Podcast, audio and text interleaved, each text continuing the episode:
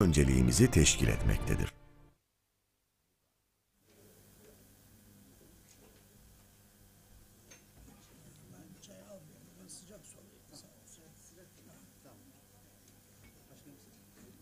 Ben de o yerime geçtikten sonra alırım.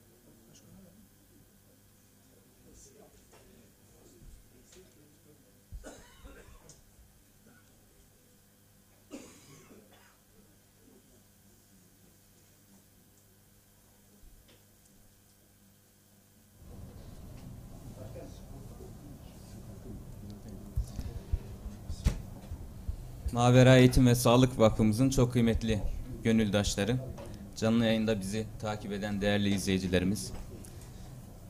Hepinize hayırlı akşamlar diliyoruz. Vakfımızın geleneksel çarşamba ve cuma sohbetlerinde malumunuz olduğu üzere muhterem misafirlerimizi ağırlıyoruz ve çarşamba günleri daha çok Kur'an tefsiri, Kur'an sünnet birlikteliği üzerine Cuma günleri de yakın tarih ve güncel konularla ilgili söyleşilerimiz oluyor. Bu akşam Profesör Doktor Mustafa Özel e, hocamızı misafir ediyoruz. Hocamız sağ olsun vakfımıza yabancı biri değil. Her sene e, davetimize icabet ediyor. Kendisine teşekkür ediyoruz. E, bugün e, Mustafa Özel e, hocamızla e, beraber olacağız. Çarşamba akşamı da yani 28 Eylül çarşamba şey cuma akşamı da pardon e, vakfımızda Abdullah Çiftçi Bey'i e, ağırlayacağız. Abdurrahman Uzun Bey'in moderatörlüğünde Abdullah Çiftçi Bey 21. yüzyıl dijital dünyası ve Türkiye e, adlı sunumunu e, vakfımızda gerçekleştirecek.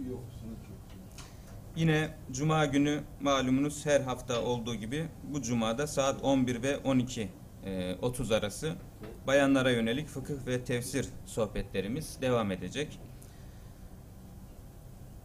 Arzu Melek Arıkan hocamız ve Rahime Hüma Hüsrevoğlu e, hocamızla birlikte hanımlara yönelik siyer ve fıkıh e, sohbetimiz e, inşallah yine vakfımızda bu hafta Cuma günü gerçekleştirilecek. Malumunuz olduğu üzere 20 Ekim 2018 Cumartesi e, gününden itibaren başlayacak bir Kudüs e, ziyaretimiz olacak vakfımızın e, geç, bu yıl e, gerçekleştirdiğimiz 2018 yılı içerisinde gerçekleştirdiğimiz Kudüs konulu Mavera ödülleri töreninde e, ödül almaya hak kazanmış öğrencilerimiz vakfımızın mütevelli heyet üyelerinden ve gönüldaşlarımızdan gelmek isteyenler bir, gelmek isteyenlerle birlikte inşallah dört günlük bir Kudüs ziyaretimiz e, olacak. Sosyal medya hesaplarımızda da zaten e, duyurularını yapmıştık. Bahsettiğim gibi hocam Profesör Doktor Mustafa Özel e, hocamız vakfımıza yabancı biri değil ama ben yine de e, gelenek olduğu üzere şöyle kısaca bir e, hocamızın özgeçmişini size arz etmek istiyorum. Hocamız 1964 Aks- e, Akhisar Manisa doğumlu. 1986 İzmir İmam Hatip Lisesi'nden mezun. Pakistan Uluslararası İslam Üniversitesi İlahiyat Bölümünü 19, 1991 yılında bitirdi. 1994 yılında 9 Eylül Üniversitesi Sosyal Bilimler Enstitüsü'nde Nişaburi ve Tefsirdeki Metodu tezi ile yüksek lisansını tamamlayarak İlahiyat Meslek Yüksek Okulu'nda araştırma görevlisi olarak çalışmaya başladı. 1999 yılında aynı üniversitede Elmalı ve Mevdudi'nin tefsirlerine karşılaştırmalı bir yaklaşım adlı teziyle doktorasını tamamladı. 2003 yılından itibaren 9 Eylül Üniversitesi İlahiyat Tefsir Anabilim Dalı'nda yardımcı doçent olarak çalıştı. Halen Şehir Üniversitesi İslami İlimler Fakültesi'nde görevine devam, eden Profesör Doktor Mustafa Özel Bey'in yayınlanmış eserleri Kur'an Kıssaları, Tevhidin Hakikati, Cevdet Bey, e, Tefsir Usulü ve Tarihi, Kur'an-ı Kerim'in Faziletleri, Kur'an-ı Kerim'de Hac ve bugün vakfımızda da e, imzalayacağı, kendisinin e, imzalayacağı Kur'an-ı Kerim tefsir, Kur'an-ı Kerim ve tefsir terimleri sözlüğü e, yayınlanmış es- eserleridir. Hocamıza tekrar hoş geldiniz diyorum. E, her çarşamba yaptığımız gibi öncelikle bir saat hocamızın sunumunu dinleyeceğiz. Daha sonra da inşallah sorularla 21.30'da e, sohbetimizi nihayete erdirmiş olacağız. Hocam buyurun. Euzu billahi mineşşeytanirracim. Bismillahirrahmanirrahim. Elhamdülillahi rabbil alamin ve salatu vesselamu ala rasulina Muhammed ve ala alihi ve ashabihi ecmaîn. Estaizu billah bismillah. Lekad ateyna Davuda ve Süleymana ilma ve kâle elhamdülillahillezî fattalana ala kethirin min ibadihil mu'minin sadakallahul azim. Değerli arkadaşlar, e, öncelikle Rabbimize hamdolsun. Yine bir Kur'an'ı anlama çabası için buradayız. Sizler de kalkıp e, zahmet edip buraya geldiniz. E, Cenab-ı Allah e, dinleyeceklerimizi, duyacaklarımızı, öğreneceklerimizi e, halisane bir şekilde e, içselleştirmeyi ve yaşamayı cümlemize nasip eylesin diyelim. Şimdi e, Bahri Bey beni aradığında e, o benim burada üçüncü e, konuşmam oluyor yanlış hatırlamıyor isem. Dedi ki nasıl bir konu yapalım? Ben bir konu önerdim. Konumuz ilgi görmedi. Yalnız konuyu söyleyeceğim. Şimdi e, bugün ayın 26'sı bildiğiniz gibi arkadaşlar. Dün de 25'i idi. 25 Eylül bin, e, 25 Eylül 1900 e, 1903 Mevdudi'nin doğumu. 22 Eylül 1979'da vefat. Eğer tarihleri yanlış söylemediysem. Ama 79 ile 903 yani 22 ile 25 yer değiştirmiş olabilir. Dedim ki "E, böyle bir konuşma yapalım. Dediler ki daha değişik bir şey olsun. Şimdi ben deniz e, burada da geçti. Mevdudi üzerine doktora yaptım. E, tabii daha önceden de Mevdudi'yi tanıyor idik. Efendim herkes e, değerini e, takdir ettiği e, önemli bir zat. E, şimdi bu siyasi e, gündemin yoğunluğundan dolayı bizim gençliğimizde ve gençlikten bir tık yukarıdaki hayatımızda çok önemli yer tutan isimler bugün artık isimleri bile hatırlanmıyor. Ben biraz da o sebeple e, böyle bir ismi tekrar gündeme getirelim dedim. Bir Fatiha okuyalım. Ona ve diğer bütün e, davetçilere, şehitlere ondan sonra e, Hazreti Süleyman'a geçelim. Buyurun. Bismillahirrahmanirrahim.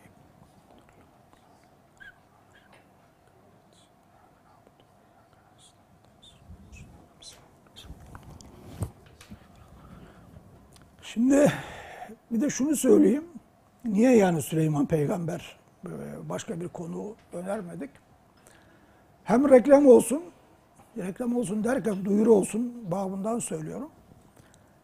Bilenlerimiz mutlaka vardır. Diyanet İşleri Başkanlığı e, hadislerle İslam diye yedi ciltlik bir kitap çıkardı. Çok güzel bir kitap. Yani ben hadis okumak istiyorum diyenlerin rahatlıkla alıp okuyabileceği bir eser. Bunun web sayfası var. Yani online olarak da okumak mümkün. E, hadislerle İslam nokta net gibi bir şey. Tam uzantısını hatırlamıyorum. Ama hadislerle İslam Diyanet yazarsanız o şeyi çıkıyor. Sonra e, bu hadislerle İslam'dan önce aslında bir Kur'an tefsiri projesi vardı. Diyanet'in. Onu beceremediler. Hadisler önce çıktı. Şimdi bir Kur'an tefsiri projesi üzerinde çalışılıyor. Önümüzdeki yılın içinde çıkacak inşallah. Efendim. Benden de orada e, bir konu istediler. Orada Hazreti Süleyman'ı yazdım. Yani bunun da böyle bir sebebi var. Aslında ben e, herhangi bir yere davet edildiğinde şunu tercih ediyorum. Diyorum ki siz bana bir konu, konu söyleyin. Ben de bu vesileyle yeni bir şey öğrenmiş olayım. Çalışıyoruz yani dersimize. Fakat yok sizin hazır konunuz vardır deyince o konuyu gündeme aldık. Fakat e, konuyu da şöyle ilan etseydik e, çok ilgi çekmeyebilir idi. Kur'an'da Hazreti Süleyman. Şimdi açarsın okursun. Başını, başlığını da afilli bir başlık yaptık. Yönetici bir peygamber olarak Hazreti Süleyman dedik. Tabi başlığı böyle yaptık ama şimdi hem anlatacaklarım hem yazdığım e, şeyler ile başlık aslında örtüşüyor. Şimdi peygamberler aleyhisselam cümlesine selam olsun. Ee, içinde yönetici olan tırnak içinde mesela Kitab-ı Mukaddes'te veya Yahudiler Süleyman'ı aleyhisselam veya babası Davud'u peygamber olarak kabul etmezler. Onları bir kral olarak kabul ederler. İşte Kral Davud, King David, King Solomon veya Kral Süleyman. Bu şekilde e, bir yerleri var onların şeyinde. Tabii bizde e, önce şuradan girmek istedim ben Sayın Başkanım. Dedim ki bir peygamberlere genel olarak bakalım. Bizim bildiğimiz Kur'an-ı Kerim'de 25 tane peygamber ismi geçiyor ama bunların içerisinde belki 10 tanesiyle ilgili hiçbir bilgi yok. Yani varsa 1-2 ayet, bilemediniz 4-5 ayet. Geriye işte 10 tane peygamber kalıyor veya kalmıyor. Bilgi sahibi olduğumuz hayatlarında. Bu bildiklerimiz içerisinde de mesela Hz. Musa hakkında çok uzun diyebileceğimiz bilgi var. Hz. İsa böyledir. Hz. İbrahim böyledir. İşte Nuh falan da böyledir. Ama bunlar içinde yönetici olduğunu bildiğimiz iki peygamber var.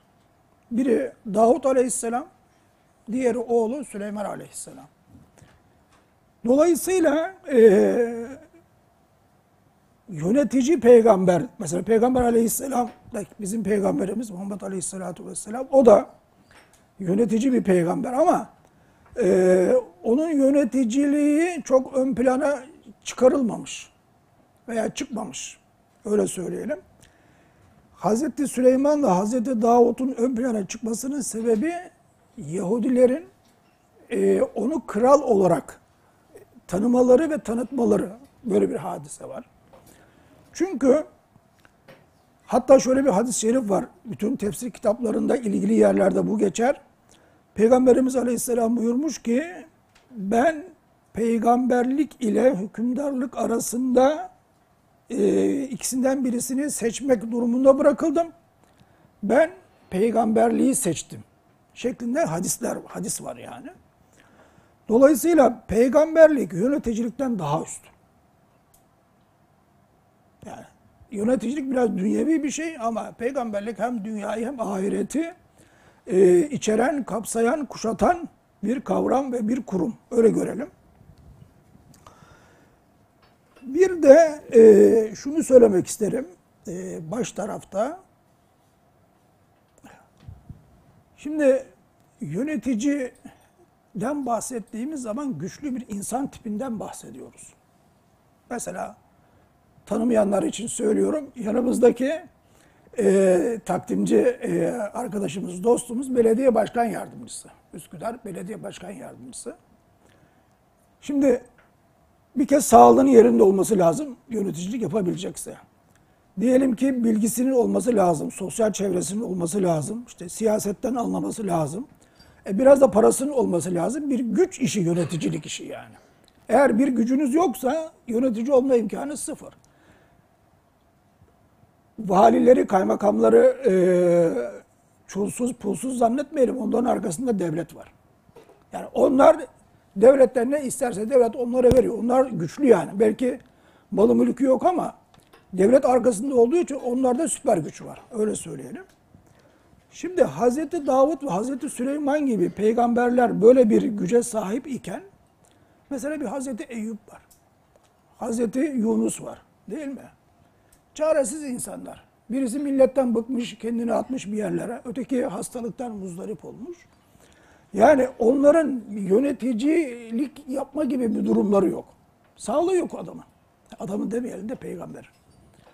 Ne bileyim e, işte Hazreti Nuh hem kavminden efendim hem e, karısından hem oğlundan herkesten çekmiş. Ailesi sağlam değil. Aile içinde problemi var.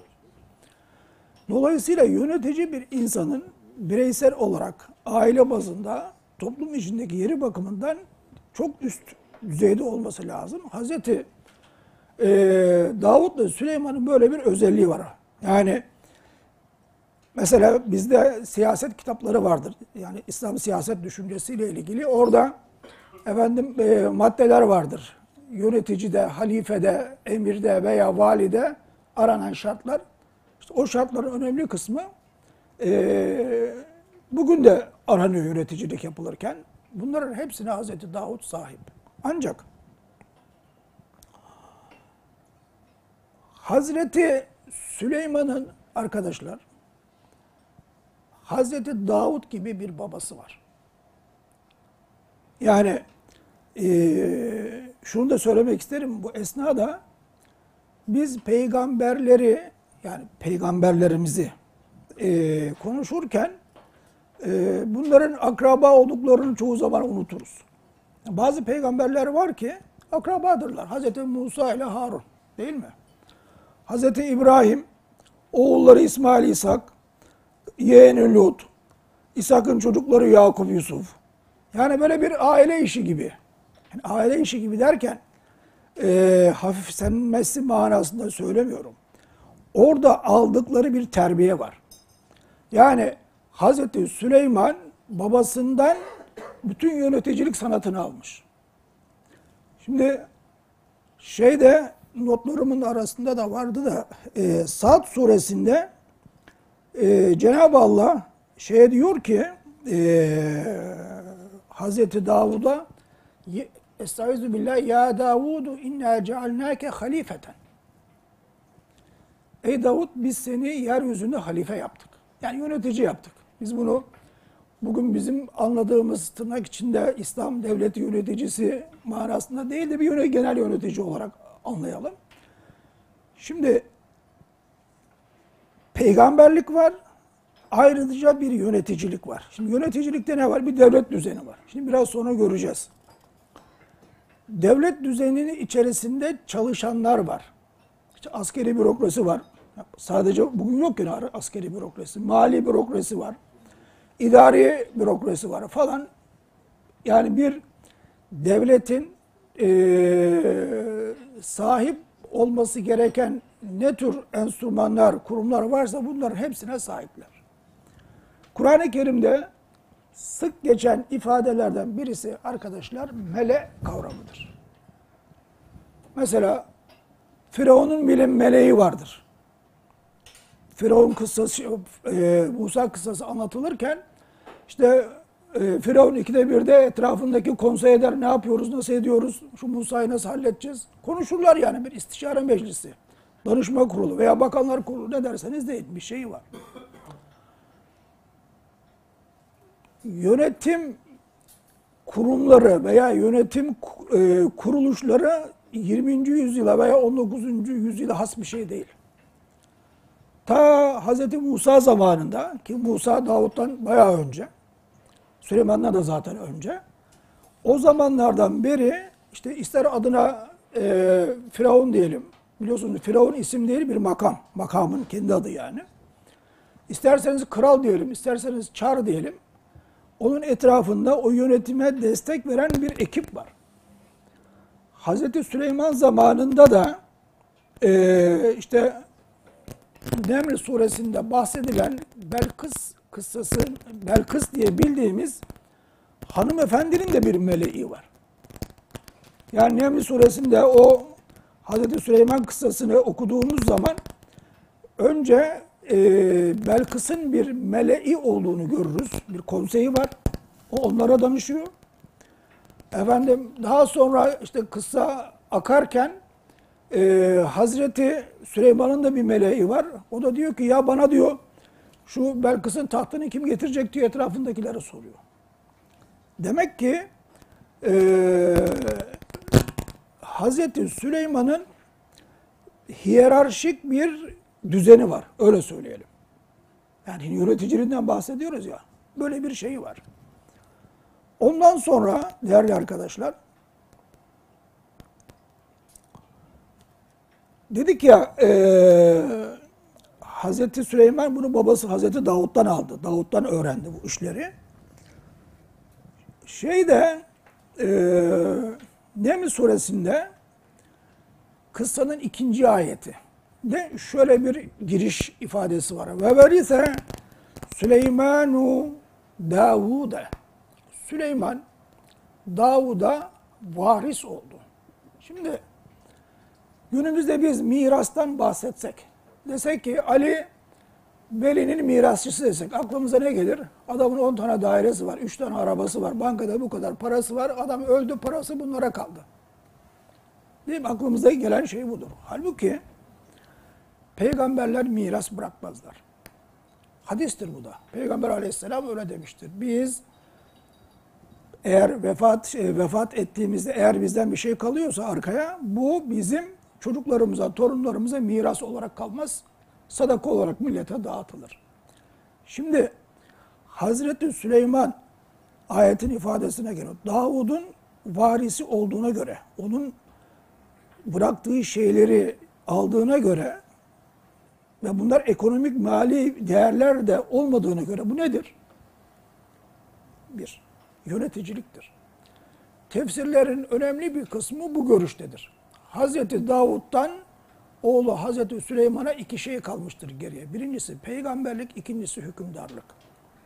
Hani dedik ya, Davud'u yeryüzünde halife yaptık, yönetici yaptık. Zaten eee, daha babası Davud hayatta iken Süleyman peygamber peygamber. Yani iki kez yanlış anlaşılmasın. Süleyman virgül peygamber olarak hayatta yani. Hatta eee,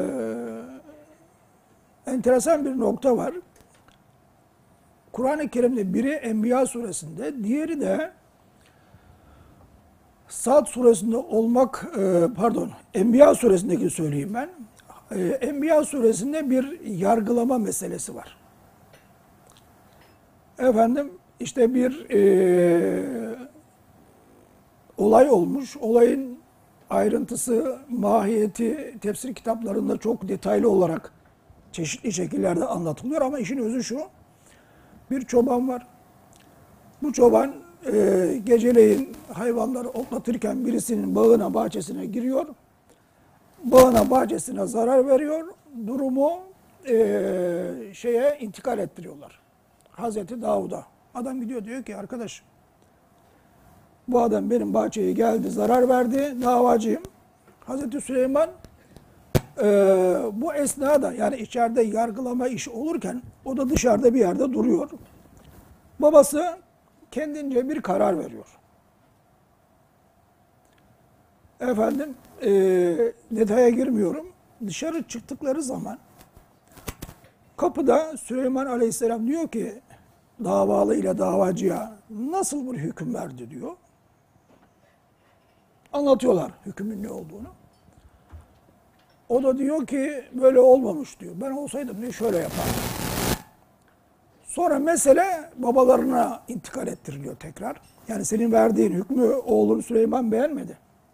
Tamam. Babası Davut Aleyhisselam, oğlu Süleyman Aleyhisselam çağırıyor. Sen olsaydın nasıl hüküm yapardın diyor. Onun verdiği hüküm şu.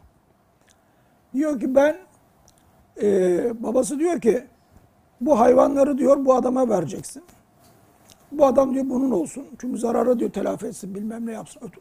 Ee, Süleyman Aleyhisselam da diyor ki ben olsaydım tersinden yapardım diyor. Ve verdiği hüküm babası Davut Aleyhisselam'ın çok hoşuna gidiyor. Diyor ki verdiğim karardan, hükümden e, vazgeçiyorum. Süleyman dediği gibi yapın diyor. Şimdi Hani bir bizde bir tabir vardır. Boynuz kulağa geçer diye. Bir peygamber bir peygamberden daha iyi hüküm verebilir. Yani bütün peygamberler eşit değildir arkadaşlar. Hani böyle zaman zaman tartışılır.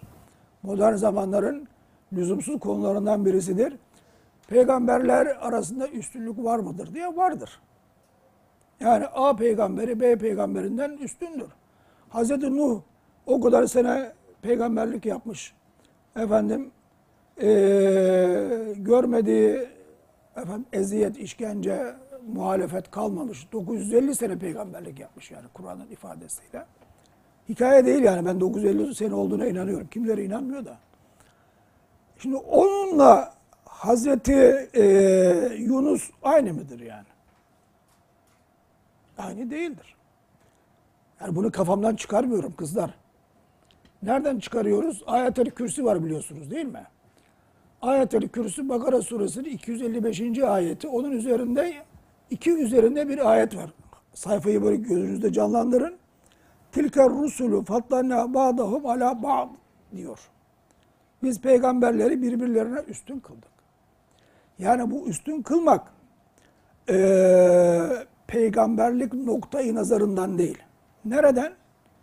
Yaptıkları işin eee, kabul görüp görmemesi bakımından. Mesela Hz. Musa ile sadece ismini bildiğimiz Zülküfl eğer çok eee, şey yapmış olsaydı yani tarihte tabi ben bunu farazi olarak söylüyorum ama Kur'an'daki mevcut bilgiye dayanarak söylüyorum.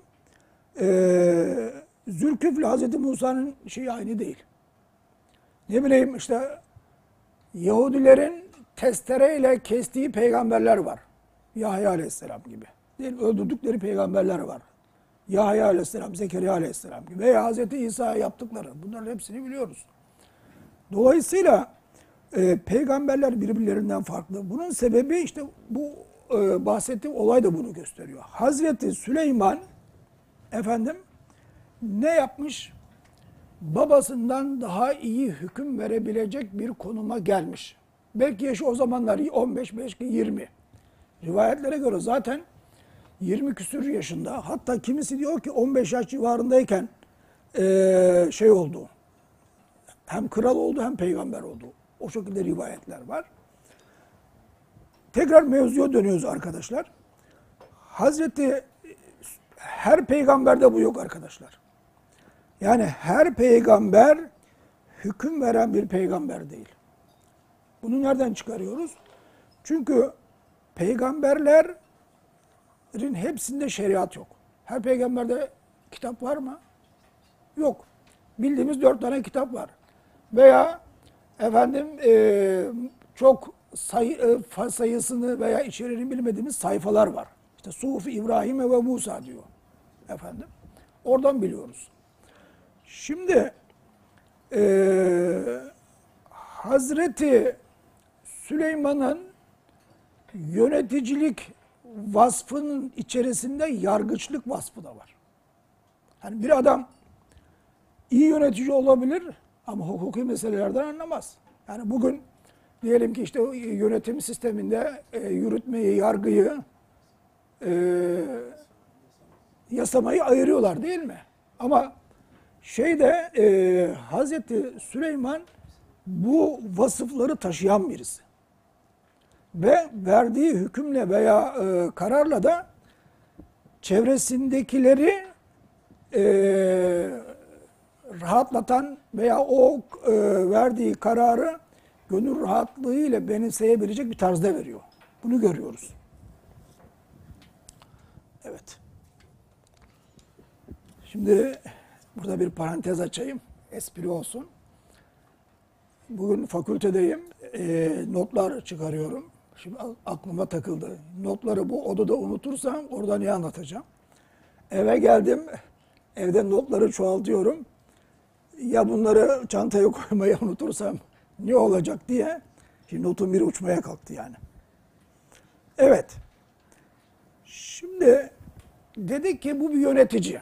Hazreti Süleyman. Yönetici olduğunu gösteren kavramlardan bir tanesi de değerli arkadaşlar, bunun bir tahtı var. Yani bizim eee, şeyde Kur'an-ı Kerim'de kıssaları anlatılan peygamberler içerisinde başka bir peygamberin tahtı olduğunu hatırlamıyorum, bilmiyorum. Demek ki bu tahtı olduğuna göre güçlü, kuvvetli, çevresinde olağanüstü bir şey var. Bunu buradan çıkarabiliriz. İkincisi bunun bir sarayı var arkadaşlar. Şimdi bazıları buna köşk diyor. Hani Belkıs geliyor da içeriye giriyor. Meali okuyanlar e, hatırlayabilirler. İçeri girdiği zaman bir bakıyor ki şeffaf bir zemin. E, hemen e, işte paçalarını, eteklerini topluyor. İşte bir şey olmasın falan gibisinden. O kadar ihtişamlı bir sarayı var yani. Olağanüstü güzellikte bir şey var. Şimdi saray niçin yapılır? Gözlüklü, siyah örtülü arkadaş. Sana soruyorum. Evet. Evet.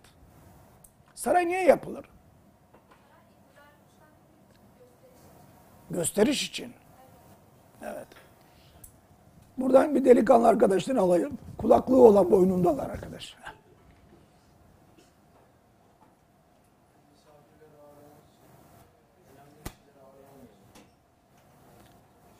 Evet. Şatafat. Şatafat dedin değil mi? Yanlış duymadım. Güzel. Şimdi arkadaşlar saray daha çok dışarıdan gelenleri etkilemek amacıyla yapılan bir şeydir.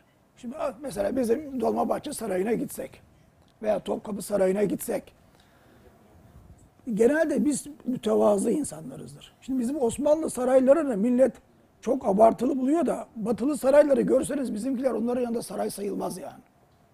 Böyle bir vaka var. Şimdi düşünün efendim eee ikinci Elizabeth İngiltere kraliçesi. Şimdi Türkiye'ye gelse Türkiye'nin gücünü siyasi, ekonomik, tarihi gücünü biz bunu nasıl nerede göstereceğiz arkadaş? Değil mi? Bir ağırlama yeri olması lazım. Efendim? Artık bilemem yani külliye buna uygun mudur değil midir? Yani devletin gücünün gösterildiği yerdir saraylar. Ve saray kişiye ait de değildir. Mesela Topkapı Sarayı var değil mi? Topkapı Sarayımız diyelim. Yani bizim saray orası. Kaç tane padişah eskitti kim bilir. Değil mi? Yani ben diyeyim, yok hepsi orada değil. Sonradan gidenler var işte. Yıldız'a, Dolmabahçe'ye geçenler var. Ama Osmanlı padişahların önemli bir kısmı efendim e, Topkapı Sarayı'nda şey olmuşlar. Şimdi adam oraya geldiğinde kapıdan girişi, bahçedeki işte e, şeyler içerideki ağırlama yeri, giriş kapısı her taraf güç gösterisi. Şey yani devletin tabii bunun içi de boş değil yalnız. Yani şimdi arkadaşımız gösteriş dedi ama gösteriş e, çok hafif kalıyor. Süleyman peygamber şeyin geleceğini biliyor Belkıs'ın. Belkıs zamanının yani Süleyman Aleyhisselam'ın zamanında yaşayan işte en güçlü e, kişilerden bir tanesi. E, bunu nasıl etkileyeceksin? Güç arkadaşlar sadece boyun eğdirmez. Belkıs saraya geldiği zaman Süleyman Aleyhisselam'ın gücünü gördüğünde Müslüman oluyor. Kıssa nasıl biter? Galet Rabbi inni zalemtu nefsi ve eslemtu ma'a Süleyman lillahi rabbil alemin. Kıssanın Süleyman peygamber kıssasının, Belkıs kıssasının bittiği son cümle budur. Ya Rabbi ben şimdiye kadar yanlış yaptım. Özür dilerim. Süleyman'la birlikte sana teslim oluyoruz. Müslüman oluyorum demek yani bu. Tamam. Güç bazen siyasetin dışına taşar. Bu ayette de ifade edildiği gibi dini bir sonuç da ortaya çıkarabilir. Bunu da işaret etmek isterim.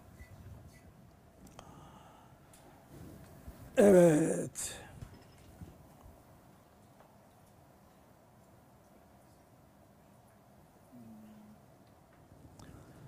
Şimdi kağıdımızın birisi buraya kaymış. Aslında bunu başta söyleyecektim de eee, hani o genel bir takım şeyleri söylerken gözümden kaçmış. Bizde arkadaşlar genelde şöyle bir anlayış vardır. Yani ben bildim bileli söylenir. Burada başkanımız tabi alınmasın. Ee, görev istenmez verilir denir. Bunu da kim söyler genelde biliyor musunuz? Üst yöneticiler derler. Adam yere çıkmış ya. Kimse yukarı gelmesin diye aşağıdakiler öyle der. Görev istenmez verilir. E kardeşim sen istemediyse istemeden mi oraya geldin yani? Böyle bir şey var mı? Tabi aklımıza hemen şu hadis geliyor işte. Hazreti Ebu Zer'e Peygamber Efendimiz'in söylediği şey. Yani bu ağır gelir. O ayrı bir mevzu. Onu karıştırmamak lazım. Şimdi burada iki tane mevzu var değerli arkadaşlar. Birincisi Hazreti Yusuf Aleyhisselam'ın hapisten çıktıktan sonra Mısır'da kralın yanına gittiğinde söylediği bir söz var. Ne diyor? Mealen de söyleyebilirsiniz. İnteraktif bir iş yapalım. Ne diyor? Gâle cealni alâ hazâinil ard. Beni Maliye Bakanı yap diyor yani sizin anlayacağınız. Gerekçesini de şöyle açıklıyor. İnni hafizun alim. Çünkü diyor ben o hazineyi korurum. Hafizim yani ben. Koruyucu yani mal mülk para pul yemem. İkincisi alim. Bu işi de biliyorum diyor yani. Tamam. Yani insan yöneticiliğe tabi olabilir. Talip olabilir. Ama bu saydığımız vasıfları haiz olması lazım. Yani e, şimdi hani bazen e, mesela geçenlerde milletvekilliği seçimleri oldu değil mi? Benim tanıdığım birçok arkadaş vardı. Aday aday olanlar. Hiçbir tanesi aday olamadı. Efendim aday olanların ve seçilenlerin içinde mutlaka iyi insanlarımız, arkadaşlarımız vardır. Yani bildiklerimiz de var. Ama aday adayı olup da seçilemeyen arkadaşlara ben hep şunu söylüyorum. Başkanım. Ne diyorum? Diyorum ki bu adayları seçenler yarın şöyle bir mazeret ileri süremezler. Ya iyi adam vardı da biz mi onları koymadık? Sen kendini takdim edersin. Dersin ki kardeşim ben bu işi yapabilirim. Takdir sizin. İster seçin ister seçmeyin. Keyfiniz bilir. Dolayısıyla Hazreti Yusuf o şeye diyor ki arkadaş ben bu işi yaparım. Nitekim de yapıyor yani bunu görüyoruz. Hazreti şimdi diyeceksiniz ki ismi neydi arkadaş? Buse. Şimdi Buse arkadaşımız diyor ki ya Hazreti Yusuf'un bu arzusu ve talebiyle Süleyman peygamberin ne alakası var? Alaka şurada. Hazreti Süleyman arkadaşlar daha küçük yaştayken dua ediyor Allah'a.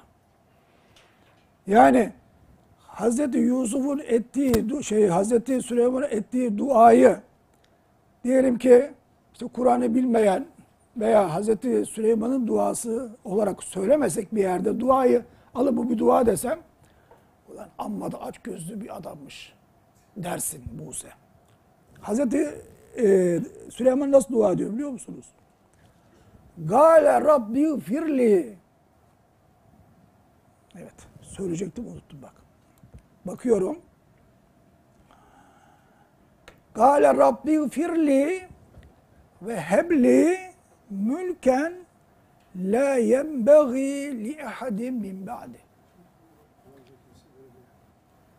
Diyor ki ya Rabbi beni bağışla. Bu da şunu öğreniyoruz. Bir şey isteyeceksen önce bağışlanmayı isteyeceğiz. Bu çok önemli bir hadisedir. Yani isteyeceğimiz şeyi e, kulaklıklı arkadaş adınız neydi? Ahmetciğim. Cenab-ı Allah'tan bir şey isteyeceksen onu en son söyleyeceğiz. En başta değil. Ya Rabbi ben zayıf bir kulunum, aciz bir kulunum, bağışlanmak istiyorum, acınmak, merhamet edilmek istiyorum. Şunu da verirsen memnun olurum. En son. Tamam mı Ahmet? Hazreti Süleyman böyle diyor. Rabbi firli, Ya Rabbi beni bağışla. Ve hebli, Allah Allah, çok isteyerek söylüyorum herhalde ki unutuyorum. Mülken la yenbeği li ahadin min ba'di. Bana benden sonra kimseye nasip olmayacak bir egemenlik ver. Ne diyormuş Musa Hanım? Bana benden sonra kimseye vermeyeceğin bir hükümranlık, egemenlik var. Yani fazla bir şey değil mi yani bu? Çok fazla bence. Ama Allah veriyor tabii. Allah isteyene istediğini verir arkadaşlar. Sadece onun rızasına uygun olarak yapacağımızı onu göstermemiz lazım. Şimdi verdiğini nereden çıkarıyorum? Arkadaş kuşları emrine vermiş. Cinleri şeytanları vermiş. Balıkları vermiş, hayvanları vermiş, atları vermiş. Ne varsa her şey Hazreti Süleyman'ın emrinde. Bundan daha büyük bir egemenlik, hükümranlık olur mu yani? Tamam. Dolayısıyla hem insan kendini teklif edebilir, yönetim mekanizmasına ben bu işi yapabilirim diye, hem de ya Rabbi bana böyle bir şey nasip et diye isteyebiliriz. Tamam. Yani e, yöneticilik talep edilebilir arkadaşlar. Yalnız herkes talep etmeye kalkmasın, sonra kavga gürültü çıkar. Peki bununla geçiyoruz. Başka bir mevzuya gelelim.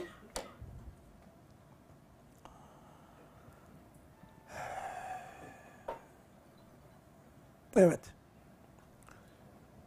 Şunu da altını çizmek lazım arkadaşlar. Yine Neml suresindeki ayetlerden birisi şöyle 17. ayeti kerime. Ee, diyor ki Cenab-ı Allah ve huşira cunuduhu minel cinni vel insi ve tayri fehum yuzaun. Onun cinlerden, insanlardan ve kuşlardan olan ordusu toplandı. Nerede? Hazreti Süleyman'ın huzurunda. Demek ki Hazreti Süleyman o kadar güçlü, kuvvetli, yetkin efendim bir yönetici ki güçlü bir ordusu var. Yani bazen yönetici olursunuz. Mesela ekonominiz iyi olabilir de ordunuz olmaz. Yani bir e, yöneticinin sahip olması gereken bütün donanımlara sahip. Mesela en iyi ordu bunun ordusu. Akdeniz'deki efendim e, uçak uçak gemisi savaş ne, diyor- ne diyorduk? Uçak gemileri var Hazreti Süleyman'ın yani anlayasınız diye söylüyorum. Akdeniz'in doğusundan şey batısından doğusuna, doğusundan batısına sürekli gidip geliyorlar. Hem ticari amaçla hem askeri amaçla. Hazreti Süleyman'a verilen şeylerden birisi de rüzgar. Bunu da biliyoruz. Yani hem eee, şeyde nedir adı? Hem Enbiya suresinde hem Sebe suresinde hem de Sad suresinde üç yerde, üç surede ayrı ayrı kendisine rüzgarın verildiği söylenir. Rüzgardan verilmesi kasıt ne? O. Çamlıca'ya çıktık esiyor üfül üfül hava alıyoruz. O değil. Yelkenli gemiler var arkadaşlar. Gemi rüzgara diyor ki al şu gemileri bu tarafa doğru estir. Pır pır pır pır pır hep her tarafa bütün gemiler oraya gidiyor. Rüzgara diyor ki o gemileri bu tarafa getir, bu tarafa getiriyor. Böyle bir güç var yani. Burada diyelim ki işte askeri malzemeyi de taşıyabilirsin, askerleri de taşıyabilirsin. Ne bileyim ticari malzemeyi de taşıyabilirsin. Her şeyi taşıyabilirsin. Yani o dönemde deniz taşımacılığında yelkenliden başka bir şey mi var yani? Belki küreklerle çekenler var. O da sittin sene kürekle gitsen ne kadar gideceksin yani. Ama rüzgar olduğu zaman gayet hızlı bir e, hareket imkanı e, ortaya çıkıyor değerli arkadaşlar.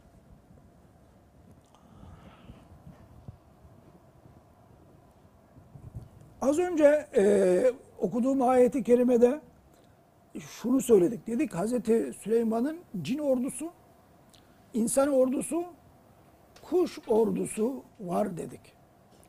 Peki geleneksel ordu düzeninde en önemli şey nedir? Osmanlı ordusunda mesela attır değil mi? Atları söylemiyoruz. Yani Kur'an-ı Kerim Hazreti Süleyman'ın e, atlardan oluşan bir ordusunun olduğunu zikretmiyor. Neden? Onlar doğal olarak var.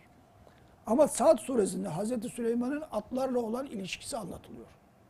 Ordunun bir unsur olarak değil de Hazreti Süleyman'ın atlara olan bakışı, muhabbeti, sevgisi bakımından anlatılıyor. Ahmet'in yanındaki sağındaki arkadaşımız. Şimdi sınıfta da böyle yapıyoruz. Bir kişinin ismini öğrendik mi? Yanındaki, önündeki, arkasındaki arkadaş. Sence cinler ne işe yarar? Ahmet'in sağındaki arkadaş. Ba- Bana göre sağ tabii yani. Cin ne işe yarar askerde sence? Cin, cin. Cinler yani.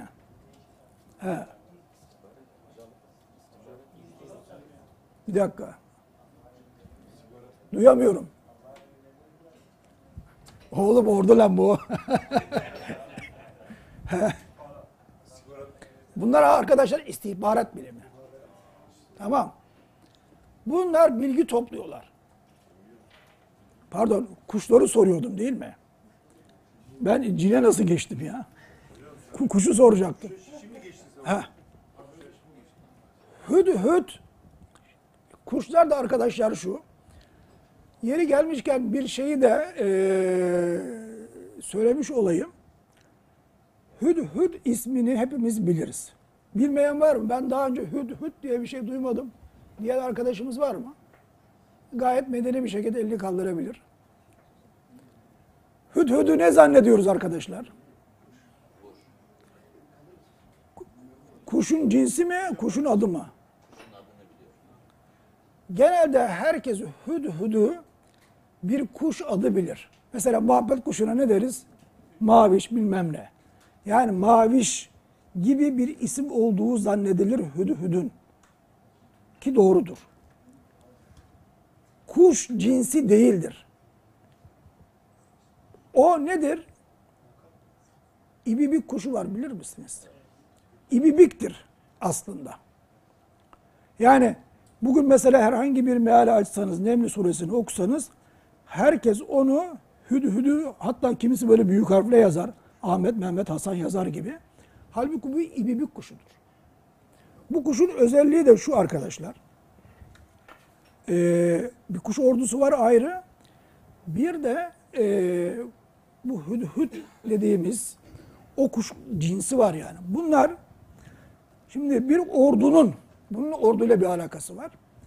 Bir ordunun en çok neye ihtiyacı olur sefer halinde? Buse Hanım, sen komutan olsan 300 yıl önce eee, sefere çıktığında en, en ilk önce niye düşünmen lazım? He? Lojistik. Güzel. En önemli şey su arkadaşlar. En önemli şey su. Mesela savaşları düşünün. Savaşlar genelde su havzaları çevresinde olur. Bugün de mesela su bir enerjidir. Dünyada eskiden savaşlar su için olurdu. Bugün petrol için oluyor. O da bir su nihayetinde yani. Bu hayvanlar yukarıdan hani mesela şahin gibi kuşlar vardır ya.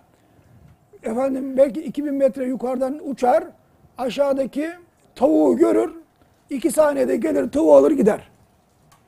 Bu kuşların özelliği de toprağın altındaki su kaynaklarını bilme.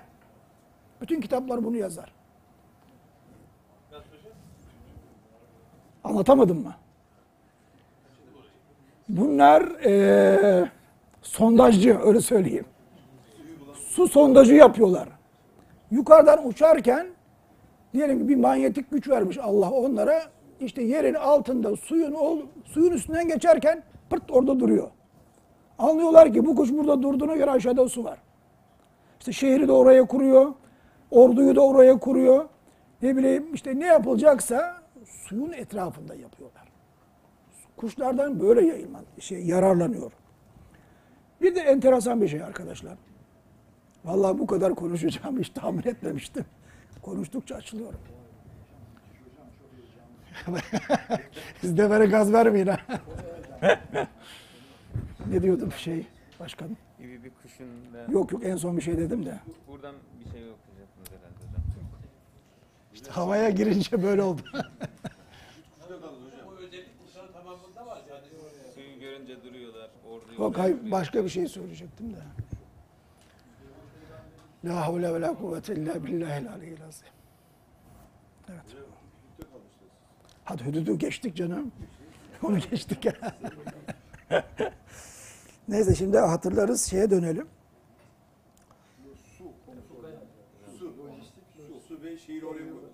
Hayır, bir şey söyleyecektim ya ben onu size söylemedim. Zihnimde de unuttum yani. Yine e, evet e, bahsettik. 10 dakikada toplayalım. hocam. Toparlayalım. Bir de şunu söyleyeyim arkadaşlar. Şeyde e, Sebe suresinde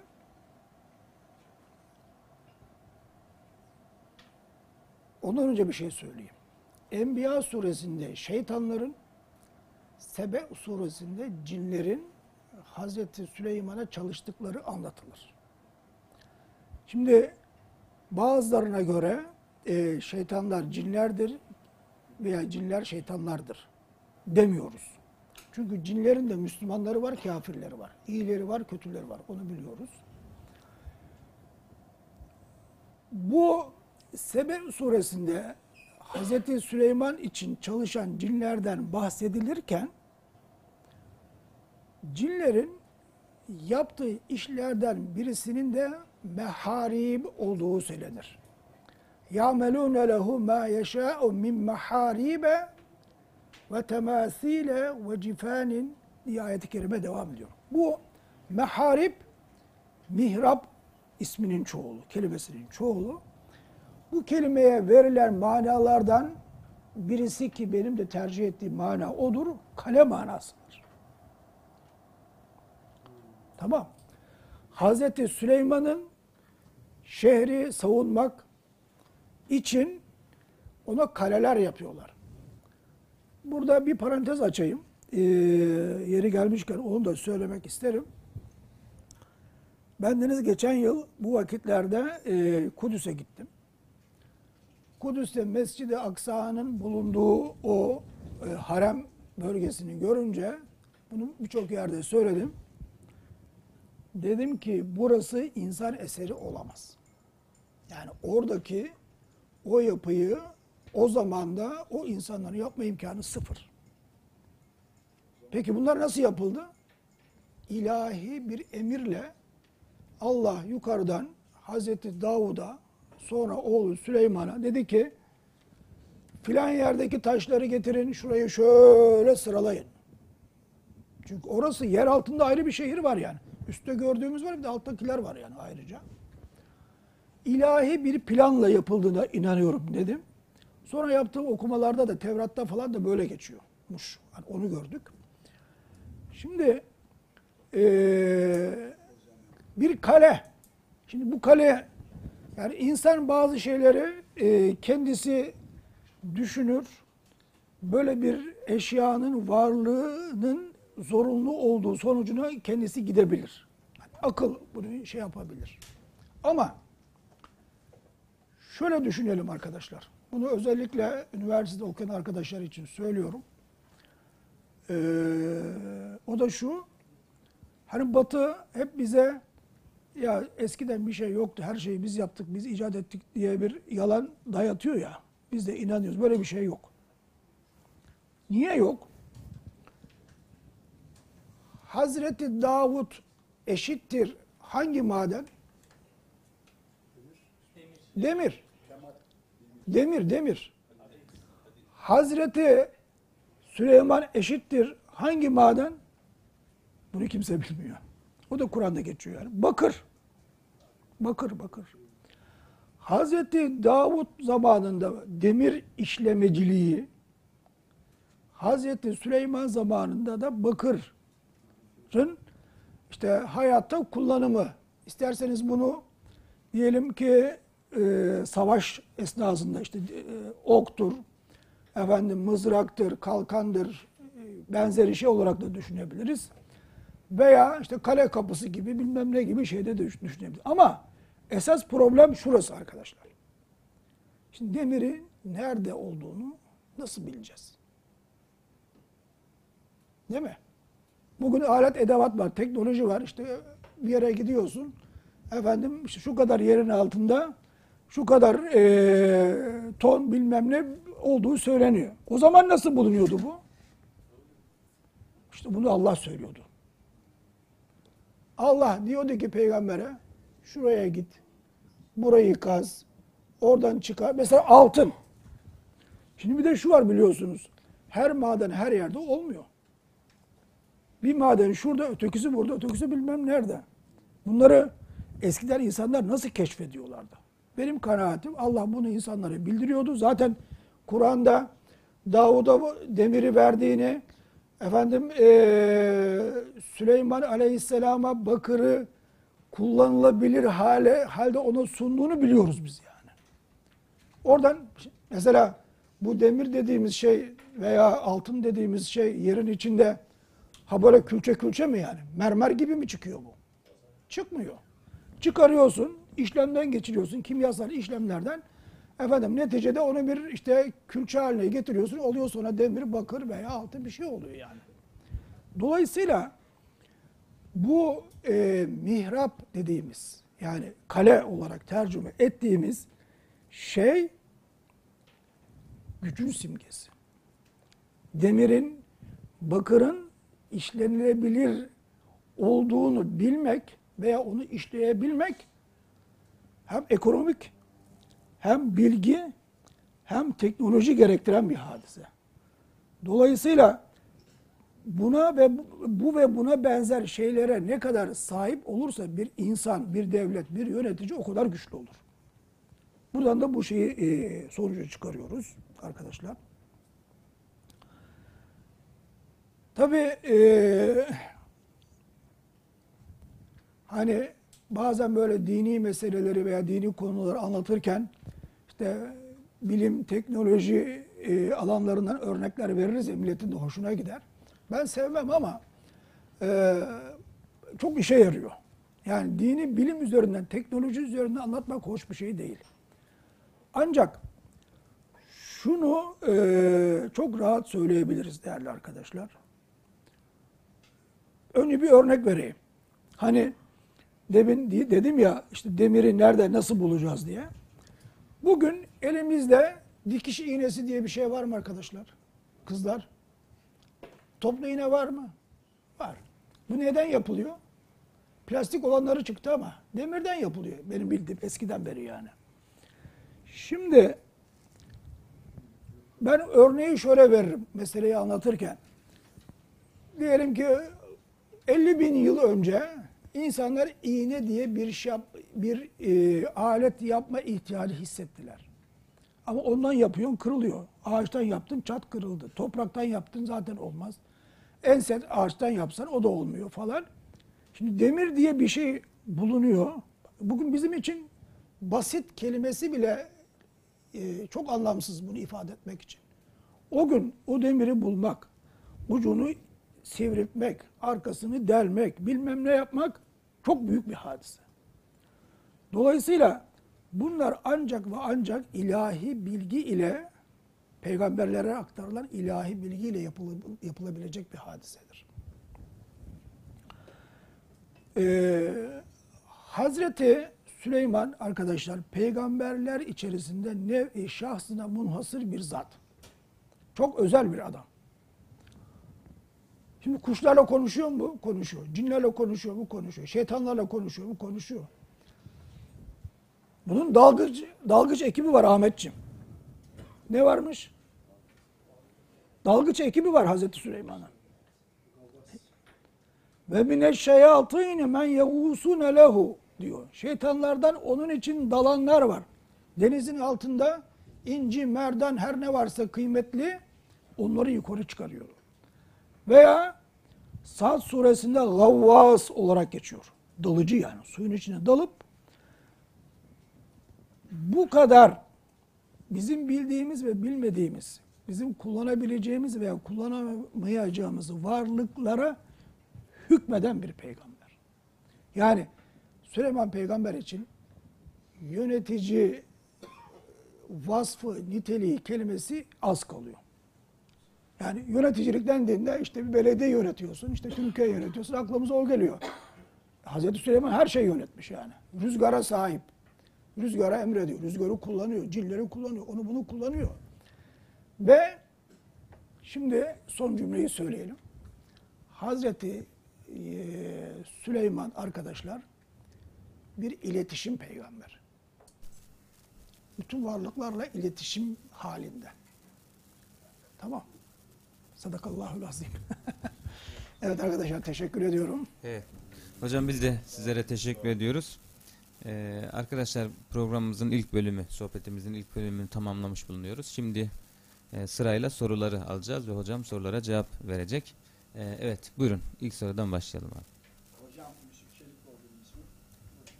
Buyurun. Teşekkür ederim. Hocam e, gerçekten e, çok e, e, ilginç, e, heyecanlı bir konu Hazreti Süleyman Aleyhisselam'ın konusu. Daima e, bunu hayatım boyunca böyle ilgi duyduğum bir konuydu gerçekten.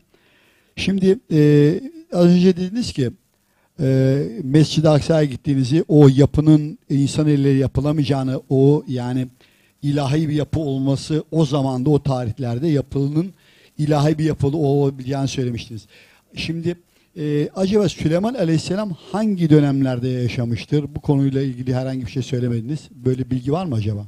Şöyle e, Ayrıca bir şey daha sorabilir miyim? tabii Bir de bakır konusunda e, ben madenciyim aynı zamanda. Siz dinlerken son paragrafları çok ilgiyle izledim. Kendim bizzat madencilik yapıyorum. E, bir de kömür madenim var Çankırı'da. Şimdi e, mesela biz bu peygamberlerden istifade edebilir miyiz? Mesela bakır bulma. Çünkü bakır değerli bir maden biliyorsunuz. Evet. Bu konuda istifade edebilir miyiz yani? Bir de onu soracaktım. Teşekkür ederim Ve, şimdi. e, Kur'an-ı Kerim'de Kur'an-ı Kerim'de e, ve e, hadis-i şeriflerde peygamberlerin e, yaşadıkları sürelerle ilgili bilgi yok maalesef. Sadece bildiğimiz işte Nuh Aleyhisselam 950 sene diye bir rakam var. Diğerlerinde böyle bir rakam yok. Ancak e, Kitab-ı Mukaddes'te özellikle Tevrat'ta tarihler var. Yani onlar e, tabi onların e, mesela bizim peygamberler tarihi kitaplarında buna benzer bilgiler hep onlardan alınmadır.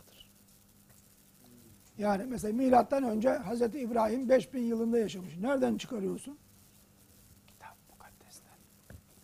Şimdi Kitab-ı Mukaddes böyle dediğimiz zaman millet inan. Ama bu Kitab-ı Mukaddes'teki bilgi doğru olabilir. Yani aksi ispatlanmadığı sürece şimdi oradaki verilen tarih bilgisi yani e, rakam yani tarihten onu kastediyorum. E, dinle imanla bir alakası yok. Yani Hz. İbrahim'in milattan önce 5000 yılda atıyorum mesela yani. Yaşadığını kabul etsek yani dinler imandan çıkmazsın, dinin imanında artmaz yani. Orada buna benzer bilgiler var.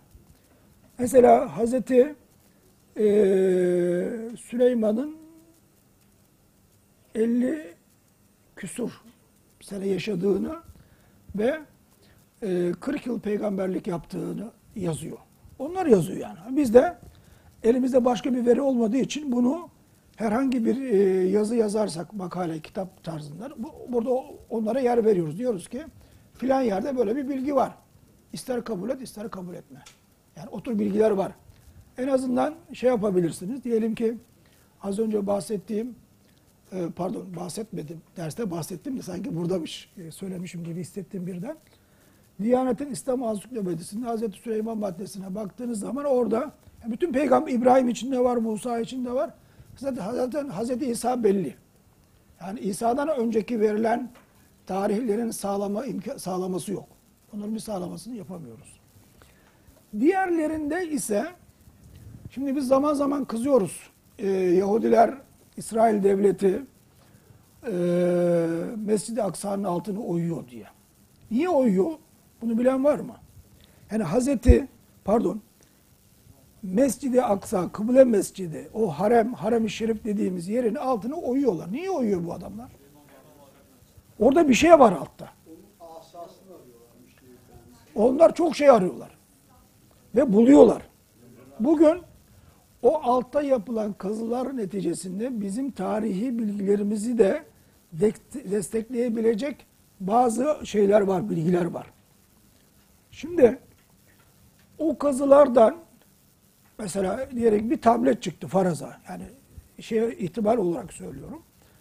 Yani o tabletin içinde veya o çıkan malzemelerin içerisinde işte altın e, pardon demir veya bakırla ilgili bir bazı malzemeler çıkabilir. Bunun dışında e, bir şey bilmiyorum. Veya e, Tevrat tefsirleri var. Ta- Talmudlar var falan. Oralarda buna benzer bilgiler olabilir ama sizin madenciliğe ne kadar yarar onu bilemem. Evet. Evet.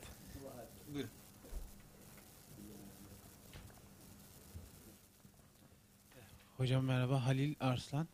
Ee, şeyi soracaktım ben. Ee, bunu bir hani ee, hükümdarlık verildi Allah'tan. Onun, dolayısıyla kendinden sonra olmayan bir egemenliğe sahipti. Bu dolayısıyla verilmiş bir şey.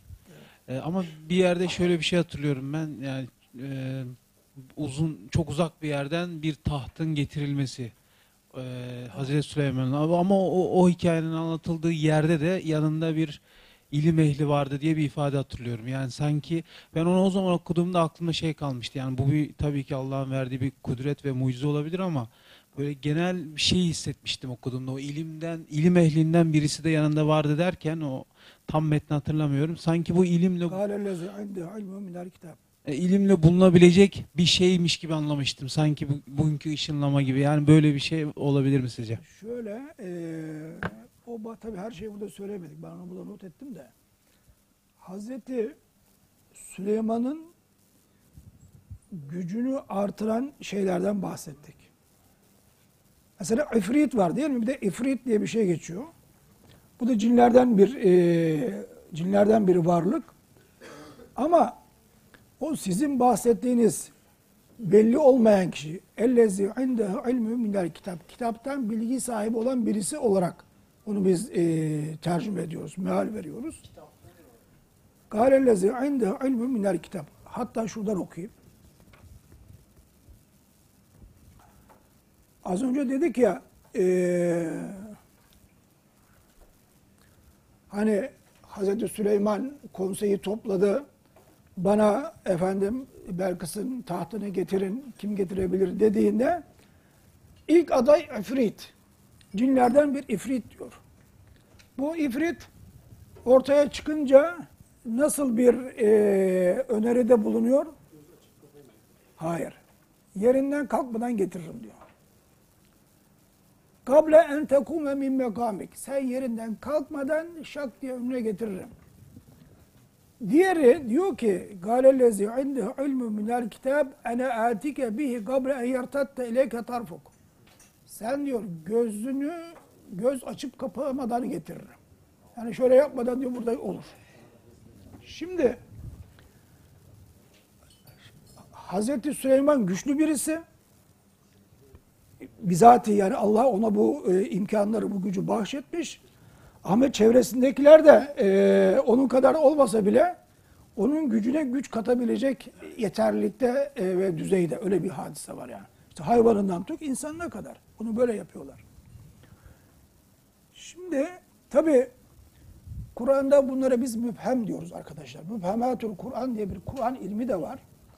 Yani bunlar zamirler olabilir. Bazen bir şey anlatılır. e, belirsizdir. Allah onu açık olarak söylememiştir bize.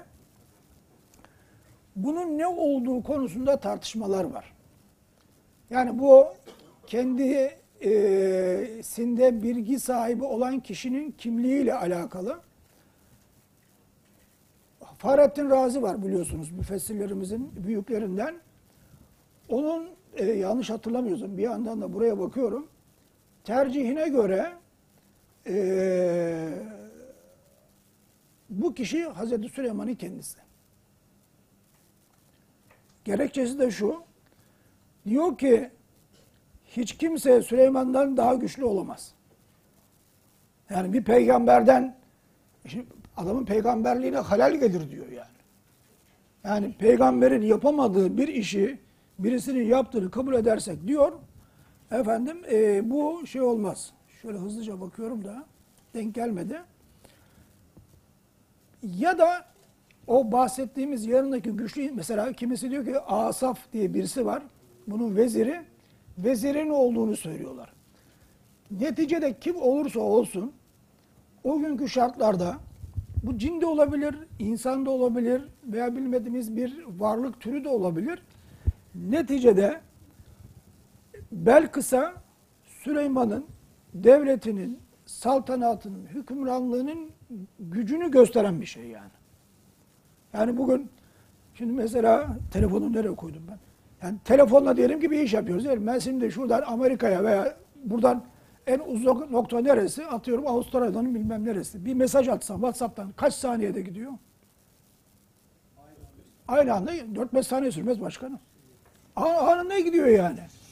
Şimdi bu da o eşya transferi yani. Benim çocukluğumda uzay yolu dizisi vardı. Çok severdim ben. Efendim ışınlama yaparlardı. Dünyadan uzaya falan filan. Şimdi bunlar eee, olabilecek şeyler. Yani bir eşyanın mekanının değişmesi hem olağanüstü bir şekilde Allah fizik şartları hazırlar o iş olur. Diyelim. Bilmiyorum cevabınız oldu mu? Yani o kişi belirsiz. Eee, bir rivayete göre Hazreti Süleyman bence de makul gözüküyor. Evet. Bir arkadaşımız daha var.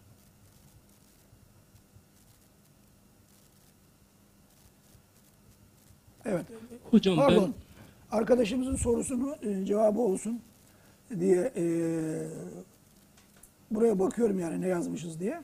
Cebrail olduğunu söyleyenler var. Yani ama şimdi şöyle bir şey var.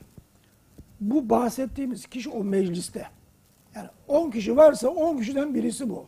Ha- Hadi diyelim ki Cebrail işte insan e, kılığına girmiş de olabilir. Ama orada bir bir varlık. Yani hocam kim olduğundan ziyade o işi ilimle yaptığını anlamıştım da ben. Yani öyle bir bilgi var ki yapılabilir mi? E tabii.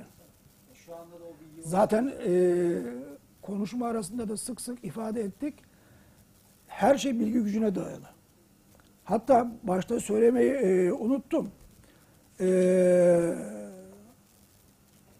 Neml suresindeki giriş ayetinin ilk cümlesi şudur. Dua cümlesini okuduk da giriş cümlesini okumadık. وَلَقَدْ آتَيْنَا دَاوُودَ وَسُلَيْمَانَ عِلْمًا Biz Davut ve Süleyman'a bir bilgi verdik. Şimdi Arapça bilenlerimiz eee, daha iyi rahat anlayabilirler. Şimdi ayette Cenab-ı Allah şöyle demiyor. Ve lekad ateyna Davuda ve Süleymane el ilme demiyor. El ilme dese spor bilgisi, kalem bilgisi, efendim mızrak bilgisi anlayabilir. İlmen bu belirsiz. Belirsiz olduğu için yani hiç kimseye verilmeyen sadece onlara mahsus bir bilgiyi anlayabiliriz. Aynı mevzu yani bu kendisine ilim eee, verilmesi hadisesi şimdi zaten arkadaşlar ister bu kıssada olsun veya başka yerlerde olsun, başka kıssalarda olsun biz ilmin Allah'a ait olduğunu biliyoruz. Allah mesela diyor ki allemnahu san'ata lebusin lekum. Biz ne diyorduk? Zırh yapma işini diyor şeye öğrettik. Değil mi? Şimdi dolayısıyla zırh yapmayı öğreten zırhın yapıldığı malzemeyi, maddeyi, madeni de bir biçimde öğretiyor yani. Bilginin kaynağı Allah. Dolayısıyla e, bunu böyle e, kabul etmekte fayda var. Evet buyurun. Hocam ben e, İsrail gazetelerinden Haaretz'taki bir yorumda İsrail'in e, Mescid-i Aksa'nın altını kazmasındaki en büyük sebeplerden biri Hz. Süleyman'ın e, bakırı altına çeviren kimyasal bir formülü bildiğini ve bunu da kimseye söylemediğini ve böyle bir levhaya yazıp oraya gömdüğünü ve e, İsrail'in de bunu aradığını. Şimdi, Birinci soru. e, söyle evet. İkin, buyurun. ikinci sorum da e, yani bu böyle bir şey Kur'an-ı Kerim'de e, var mı? E, yani Hazreti Süleyman'ın ger- gerçekten böyle bir ilim verilmiş miydi? Hangi iki- ilim? Yani bakırı altına çeviren kimyasal bir formül. Valla onu bilemeyiz yani. Yani şimdi az önce söyledik ya ilmen dedik. Yani sıra dışı bir ilmin onlara verildiği kesin. Yani o, o- orada netiz yani. Orada bir e, tereddüt, e, şüphe yok. Diğer mevzuya gelecek olursak o sizin bah- bahsettiğiniz e, hadise yani Mescid-i Aksa'nın altında e, bir şeyin, bir formülün olduğu meselesi şeyde eee, nedir adı? Bakara suresinde bir ayet-i kerime var. Hazreti Süleyman'ın geçtiği tek bir ayet-i kerime. Buna biz büyü ayeti diyoruz. Yani büyü ayeti derken e, büyücülüğün öğretildiği bir ayet-i kerime değil. Hazreti Süleyman'ın büyücülükle işinin olmadığını belirten bir ayet-i kerime. Şimdi Yahudiler Hazreti Süleyman Yahudi peygamberi olmakla birlikte Yahudiler onun sahip olduğu güçlerin e, ilahi bir güç tarafından değil bir büyüyle elde edilmiş olduğunu düşünüyorlar. Tamam. Ayet-i kerime onların bu düşüncelerini reddediyor. Şimdi bu ayetin tefsirini okursanız Bakara suresi 102. ayet-i kerime arkadaşlar. Ee, isterseniz şurada e, okuyayım. Yani daha doğru anlaşılsın diye okuyorum. Rivayete göre içinde büyü bulunan bir yazı, bir metin yazdılar. Ve bunu o memleketinden çıktığı bir vakitte Süleyman mabedinde gömdüler. Tahtının altına koydular. Süleyman peygamber vefat ettiğinde bu adamların hayatı entrika başkanım. Bak peygamber ölecek bir gün biliyorlar ya. Peygambere kumpas kuruyorlar. Saraydan veya evinden çıkmadan önce işte e, hiç evden dışarı çıkmazmış. Beklemişler böyle yıllarca oturduğu yerin altını kazmışlar oraya bir şey gömmüşler. Diyelim ki uyduruk kaydırık bir şey. Süleyman peygamber vefat ettiğini o metni çıkarıp bakın Süleyman sizi bu kitapla yönetiyordu. Rüzgar bununla geliyordu. Şeytanlar bununla boyun eğdiriyor, eğdiriliyordu dediler. İnsanlara bunu öğrettiler. İnsanlar böyle bir peygamber tasavvuruna sahip oldular. Yani Süleyman büyücü bir adamdı ve bu kadar imkan, gücü, yöneticiliği bu büyü vasıtasıyla elde etti inancı, anlayışı yaygınlaştı. Bu ayeti kerime ve tebe o ma tetlu şeyatinu ala mülkü Süleyman ayeti ona bir reddiyedir. Böyle bir şey var yani sizin söylediğinizle alakalı olarak. Hocam ikinci konu da günümüzle alakalı. Şimdi Kur'an-ı Kerim'de e, yani Hazreti Süleyman'a çok büyük bir ilim verilmişti. Bununla birlikte Kur'an-ı Kerim'de diğer e, iki peygambere daha e, büyük ilimler verilmişti. Bunlardan bir tanesi Hızır Aleyhisselam, geleceği e, Hazreti Musa ile olan e, o macerasında ve geleceği bildiği bildiği sö- ilmi verilmiş. İkincisi de Lokman Hekim e, olarak bilinen yani peygamber olarak kabul ettiğimiz bu üç ilmi günümüzde herhangi birine Allahu Teala vermiş midir? Mesela Günümüzde. bazı e, mesela kendisini Allah'ın veli kulu olarak gören insanlar da bu tip üç bilimlerin olduğunu söylüyorlar. Mesela örnek verecek olursak Abi, o bizi bozar ya. Yani bu tip şeyler insanlar normal günümüzdeki insanlarda olabilir mi ilimler? Şimdi şöyle e, peygamberlik bittiğine göre Örnek verecektim de e, Verme. yok, gerek yok. Gerek- Yani de, şey olmasın. Şimdi peygamberlik bittiğine göre peygamberlerin ki en son peygamberimiz aleyhissalatu vesselam onların sahip olduğu bilgi düzeyine manevi manada yani uçak yapımından kastetmiyor. Şimdi konuşunca hocam diyorlar ki e, peygamberler uçak yapmayı biliyorlar. Uçak, uçak Allah kuşları yaratmış uçuyor. Yani uçağı uçursan ne olur, uçurmasan ne olur ya. Şimdi peygamber en büyük bilgi arkadaşlar insanı insan yapan bilgidir. Bugün Batı biliminin geldiği yer iyi bir yer değildir. Batı bildiği, ürettiği her şeyle insanlığın sonunu getiriyor. Bu, bu iyi bir şey değil ya. Yani cep telefonu da böyle kullanıyoruz hepimiz. Uçak da böyle. Efendim Mars'a gitsen orada hayat bulsan o da öyle. Yani Fransız devriminden sonra batıdaki bilimsel gelişmelerin bize getirdiği yer insanlığın sonudur. Çok net söylüyorum yani. Yani bu iyi bir şey değil. Dolayısıyla eee, bir şey daha söyleyeyim yeri gelmişken. Bugünkü modern bilimin yani e, matematik, kimya, biyoloji buna dahildir. temelleri efendim Batı'nın orta çağı, İslam'ın altın çağında atılmıştır. Müslümanların elinde o bilgi niye Batı'dakilerin elindeki gibi vahşileşmedi de masum kaldı? İstesek biz de yapabilirdik ya. Yemen'de, o çölde, o iklimde kaç katlı binalar var. Değil mi? Eskide, eskiden insanların sahip olduğu bilgi, teknoloji, birikim, mühendislik, mimarlık bugünkünden az değildi. Bugün Ayasofya'nın altında dünya kadar yer var değil mi? Bilmiyoruz yani biz. Yani Ayasofya'nın altını çözemiyoruz. Mescid-i Aksa'nın altını çözemiyoruz. Bu, bu mimarlık, mühendislik harikasının ötesinde bir hadise yani.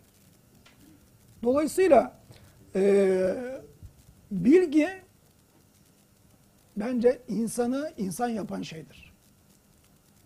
Yani şimdi adam e, fiziği geliştiriyor, atom bombası yapıyor, nükleer bomba yapıyor. Geliştirme arkadaşı ya. Cep telefonumuzda keşke olmasaydı yani. Hayatı geri döndüremeyeceğimiz kesin ama geldiğimiz iyi bir şey değil. İyi, yer iyi bir şey değil. Ee, yani o bilgileri yani manevi şimdi şöyle arkadaşlar.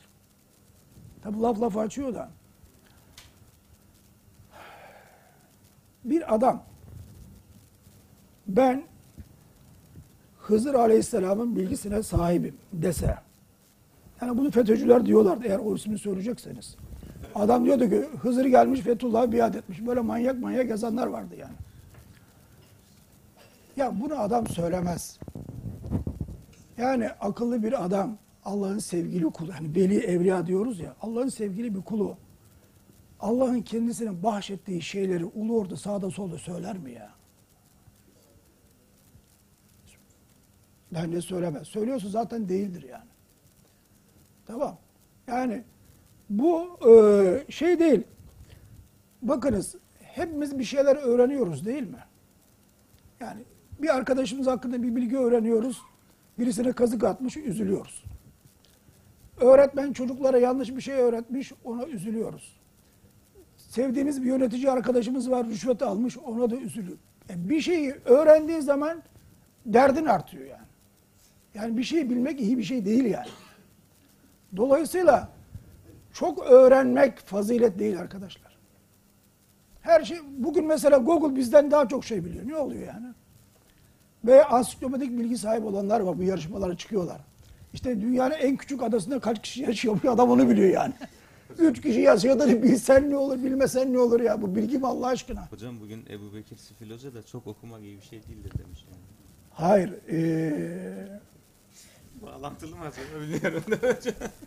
şimdi eee, neyse. Bu mevzuyu kapatalım. Başka sorusu olan varsa buyursun. evet buradan devam edelim buyurun. Hocam şimdi siz e, hem peygambere kitap verilmediğini söylediniz. Doğrudur. Yani aslında gelenek yani geleneğimizde bu bilgi vardır. Kur'an-ı Kerim'de zannedersem 28 kadar peygamberin ismi geçiyor. 25. 25 yani işte Hazreti Lokman peygamber sayılırsa vesaire işte onlarla birlikte 28 oluyor. 25 kabul edelim. Şimdi En'am bir de hocam şöyle bir şey var yani dört kitap var. İşte Hazreti İsa İncil'in, Hazreti Musa Tevrat'ın, Hazreti Davud'a Zebur'un ve Peygamber Efendimiz'e Kur'an-ı Kerim'i verildiğini söylüyorlar. Şimdi En'am suresinin 83. ayetinden 87. ayetine kadar yaklaşık 17 peygamberden bahsediyor Kur'an-ı Kerim. Ve daha sonra 87. ayetinde diyor ki bunların babaları, soyları ve kardeşleri en son diyor ki Kur'an-ı Kerim 89. ayette Ateynehumul kitabe vel hukme ve nübüvve. Evet. Yani yukarıda ismi sayılan 17 peygamber ve ataları ve soyları ve kardeşlerin hepsine kitap verilmiş, hikmet verilmiş ve nebilik verilmiş. Buna rağmen bizim gelenek nasıl oluyor da sadece dört peygambere kitap verildiğini söylüyor. Şöyle- Bu ayeti biz nasıl naksedebiliriz? Şimdi yani gerçi mevzu dışına çıkmış gibi olduk ama Yok siz bahsettiğiniz için ben bu soruyu özellikle Ee, açıklık getirmek istedim. Bir kez her peygambere kitap verilmediği kesin. 89 ayet ama Hayır, hayır. şey- Yani şimdi verilmiş olsa biliriz. Şimdi Hazreti e, Harun'a kitap verilmiş olsa bilgimiz olmaz mı?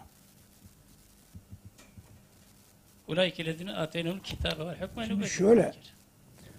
Hazreti İbrahim varken yanında oğluna İsmail'e İshak'a kitap vermeye gerek yok yani.